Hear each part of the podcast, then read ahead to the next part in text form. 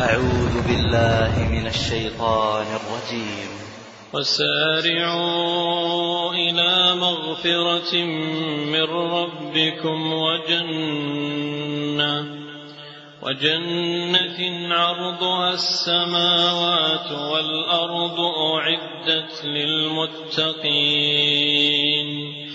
الزمن المجيد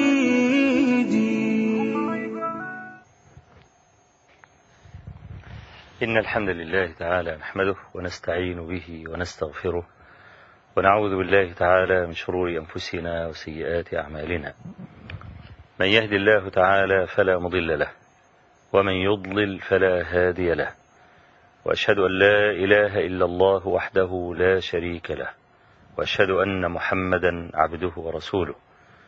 أما بعد فإن أصدق الحديث كتاب الله تعالى وأحسن الهدي هدي محمد صلى الله عليه وآله وسلم وشر الأمور محدثاتها وكل محدثة بدعة وكل بدعة ضلالة وكل ضلالة في النار. اللهم صل على محمد وعلى آل محمد كما صليت على إبراهيم وعلى آل إبراهيم في العالمين إنك حميد مجيد. وبارك على محمد وعلى آل محمد كما باركت على إبراهيم وعلى آل إبراهيم في العالمين إنك حميد مجيد. أبو حازم يقول يسير الدنيا يشغل عن كثير الآخرة. ويقول انظر الذي يصلحك فاعمل به وإن كان فسادا للناس. وانظر الذي يفسدك فدعه وإن كان صلاحا للناس. طبعا الكلام ده يحتاج إلى تفصيل. يعني مش معنى شيء يصلحني إن أنا أضرب الناس بعضهم ببعض. لا هو يقصد يقصد أبو حازم من هذا الكلام انظر إلى نجاة نفسك أولا ولا تتأول لأحد. يعني أنا رجل مثلا أعلم الناس الدين القرآن والسنة.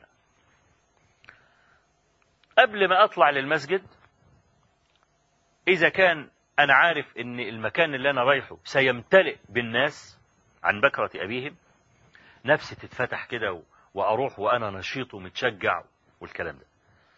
إذا دعوني في قرية من القرى أنا أروح المدينة مثلا ممكن يحضر لي مئة ألف يحضر لي مئتين ألف. لي عشر آلاف أي أي رقم يعني. فيقوم يدعوني مثلا إنسان يدعوني إلى أن أنا أذهب إلى قرية من القرى والقرية دي كلها على بعضها آه، ثلاث أربع آلاف ولا بتاع هيحضر لي قيمة مثلا ستين سبعين أو ربما يكون العدد أقل من هذا يحضر لي مثلا عشرين ثلاثين فأقول له لا معلش أنا ما أقدرش أجي لأن أنا مشغول والكلام ده لكن أنا من داخلي العدد ده قليل. لا أنا عايز الناس تركب بعضها. هم بيسمعوني. طب ما ده ده شوف كيف دخل الداخل على القلب. لا. ربما يكون هذا العدد القليل أبرك من هذا العدد الكثير. اللي عايز أقول الكلام آه، أبو حازم في المسألة دي انظر إلى ما يصلحك أنت. ليه؟ لأن أنت لا ت- هتحاسب لوحدك. مفيش حد هينوب عنك في الحساب. فانظر ما يصلحك. واعلم أن الناس لن ترضى. عشان ترضي كل الناس ما تقدرش ترضي كل الناس. لابد أن يغضب عليك طائفة من الخلق. إذا رضيت عني كرام عشيرتي فلا زال غضبانا علي لئامها. ما لازم واحد يغضب عليك وواحد يرضى عنك. فأنت انظر إلى ما ينفعك. وأظن يعني القصة المشهورة أوي قصة جحا بقى لما هو وابنه ركب الحمار فالناس قالوا يا ما عندهمش رحمة. شوف الحمار عمال ينهج إزاي وبتاع وهتطلع روح من ال- العجلين اللي راكبين دول. فعشان برضه قام إيه؟ قام الأب نازل وركب الولد. قالوا شوف الواد قليل الادب أبوه نازل وهو راكب. قام الأب راكب والواد نزل. قال له شوف الراجل اللي ما عندوش رحمة ابنه ده ماشي وهو راكب. ها؟ قاموا نازلين الاثنين مع الحمار. قال شوف المجانين دول الحمار ماشي فاضي وهم هو اللي كان فاضل إن جحا يشيل الحمار يشيل الحمار على اكتافه عشان بقى إيه؟ يبقى جنان رسمي بقى. فهو ما فيش حد هيرضي حد يعني أنت إذا كنت هتعمل أي تصرف مش هترضي لا ده ولا ده. فابحث عما ينفعك وعما يصلحك حتى لو أغضب الناس. مش المقصود بكلام أبي حازم إن أنا ممكن أعمل شيء من المستحبات وأطقش الناس في بعضها وأعمل مصيبة. لا اللي مش المقصود كده. مقصود كلام أبي حازم طبعا ده طبعا داخل ممكن نتكلم تحتيه كتير في مسألة المصلحة والمضرة ومتى يرضى المرء بالضرر اليسير الذي يقع عليه في سبيل إيجاد مصلحة مثلا راجحة عند الناس. ده, ده موضوع ثاني. لكن أبو حازم لا يتكلم في هذا المعنى. كذلك الكلام أبي حازم يدخل تحتيه بقى إيه؟ تحتيه لا تؤثر أحدا بأعمال البر. ما هو ابحث عما يصلحك. ساعات كده الواحد مرارته بتتفقع من اتنين واقفين في الصف. اتنين جايين على آه، فرجة في الصف. واحد يقول والله لا تفضل يقول له لا ابدا والله لا تفضل. أنت اللي تفضل أنا ما تفضلش. لا أنت اللي تفضل. واحيانا بعض الناس بيفعلوها معي أو يفعلوها مع المشايخ أو الكلام يبقى واقف في الصف الأول وأنا واقف في الصف الثاني. فيقوم يصر إن هو يسيب مكانه في الصف الأول علشان أنا آخد مكانه فأنا أنبهه برفق. أقول له يا ابني لا تترك مكانك. يوم يصير والله العظيم لازم تقف مكان. خلاص أنت حر. وقفت أنا مكان. لا في حد من أهل ممن عنده يقظة الآخرة ممكن يعمل العملة دي؟ ما فيش حد ممكن يعملها أبدا. ده الرسول عليه الصلاة والسلام يقول كما في حديث أبي هريرة في الصحيحين لو يعلم الناس ما في النداء والصف الأول ثم لم يجدوا إلا أن يستهموا عليه لاستهموا عليه. يستهم يعني يعمل قرعة. نعمل قرعة. أنا دخلت لقيت الصف كامل ما عدا فرجة واحدة أنا وواحد. أنا ما اسمحلوش إنه ياخد الفرجة دي أبدا. إيه خلاص اختلفنا وهنعمل مشكلة نعمل قرعة. ملك ولا كتابة؟ أنت بقى ملك ولا كتابة؟ نشوف بقى لأن أنا عايز المكان ده. أح- فإزاي تؤثر أحدا بعمل من أعمال البر؟ ده نوع من الغفلة. وبرضه في حديث أبي هريرة الصحيحين لو يعلم الناس ما في الصف الأول لكانت قرعة. وفي حديث أبي سعيد عند الإمام مسلم الرسول عليه الصلاة والسلام رأى رجالا في مؤخ في مؤخرة المسجد.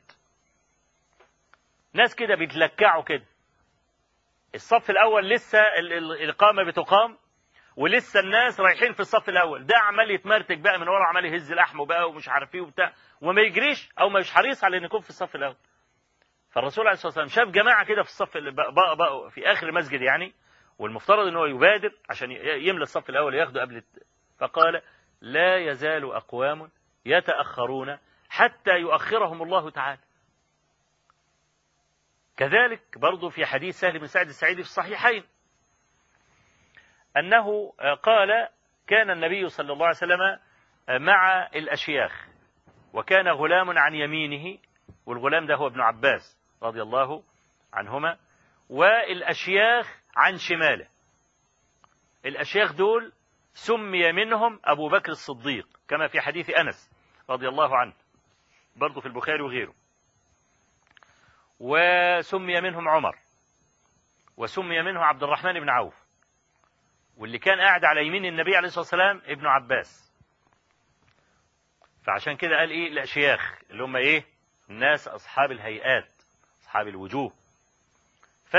فالرسول عليه الصلاة والسلام شرب السنة يدي اللي على اليمين.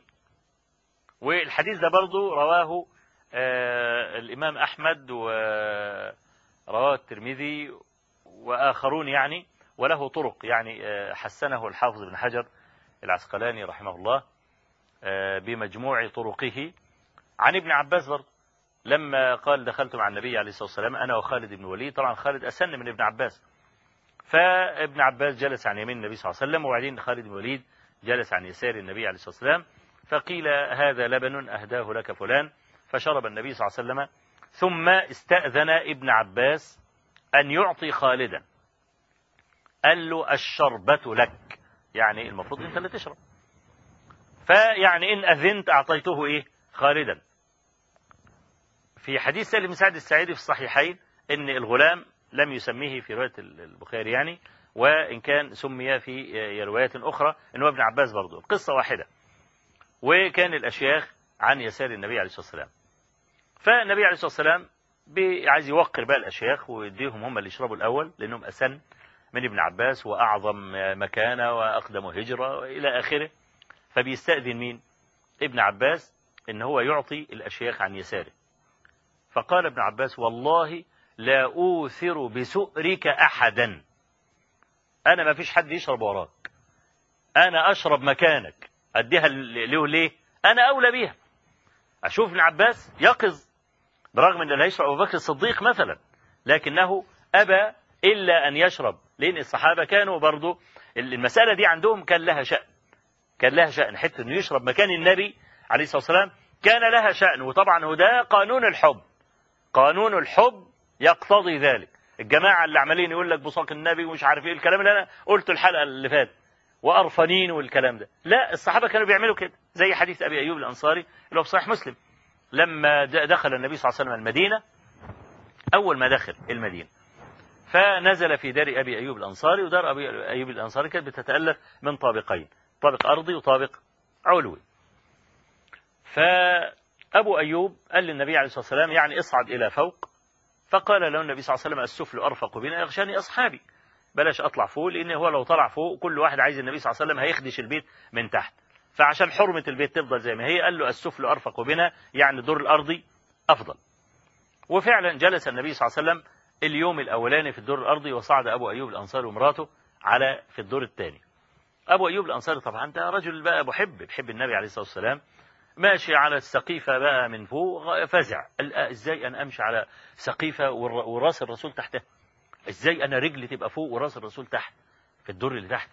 لما فزع بقى ام راكن في ركن بقى من الدور دهوت هو ومراته حبسوا نفسهم. في رواية الطبراني بقى الحاجة اللي خلتهم يتحركوا إن انكسر حب زير يعني زير مية انكسر وخشوا إن الماء ينزل على رأس النبي صلى الله عليه وسلم. قاموا مجففين الايه الميه دي باللحاف بتاعهم؟ قال والله جففناه بلحاف والله ما لنا لحاف أنا وامرأتي غير هذا اللحاف. خشية أن ينزل على رأس النبي صلى الله عليه وسلم شيء من الماء. الشاهد. قال وكنت أرسل طبعا الصبح يعني نزل النبي صلى الله عليه وسلم قال والله لا أعلو سقيفة أنت تحتها ابدا. اصعد إلى فوق صعد النبي صلى الله عليه وسلم إلى فوق. كان أبو أيوب الانصاري ومراته يبعثوا الأكل للرسول عليه الصلاة والسلام. وما يرضوش يأكلوا لحد ما الأكل ينزل من فوق. فيقول أبو أيوب فنتحرى مواضع أصابعه وفمه. مواضع أصابعه كل منين؟ كل من الحتة دي يوم ياكلوا من نفس الإيه؟ من نفس الموضع. شرب من هنا يوم يشربوا من نفس الموضع اللي إيه؟ اللي الرسول عليه الصلاة والسلام شرب منه. قال فأرسلت إليه ذات يوم ثوما أو قال بصلا فلم يأكل منه قال ففزعت وصعدت إليه وقلت يا رسول الله أرسلت إليك ثوما فلم تأكل منه فقال إني أناجي من لا تناجي. يعني إن الملائكة تتأذى مما يتأذى منه بنو آدم وجبريل عليه السلام عندما يأتيه فيناجيه بالقرآن والنبي صلى الله عليه وسلم أفضل من راعى حقوق الصحبة لم يزعج صاحبه ولا رفيقه وجبريل عليه السلام بأن هو يلاقي منه ريحة الإيه؟ ريحة البصل أو ريحة الثوم يعني. قال إني أناجي من لا تناجي فقال رسول الله أحرام هو؟ قال لا. ولكني أناجي من لا تناجي. قال أبو أيوب لا جرم أكره الذي تكره يا رسول الله. حتى وإن كان حلالا في الأصل فأنا أكرهه لأجل كراهتك كراهيتك له.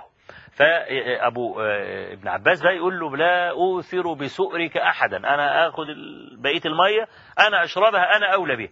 فإياك أن تؤثر أحدا بأعمال البر. إذا كان في عمل من أعمال البر أنت تستطيع أنك أنت تفعله يبقى بادر وافعله ولا تترك هذا لأحد. فده برضه هيدخل تحت كلام أبي أيوب الأنصار تحت كلام أبي حازم رحمه الله تعالى. والله تبارك وتعالى أسأل أن يجعل ما سمعناه وما قلناه زادا إلى حسن المصير إليه وعتادا إلى يمن القدوم عليه إنه بكل جميل كفيل. وهو حسبنا ونعم الوكيل وصلى الله وسلم وبارك على نبينا محمد والحمد لله رب العالمين.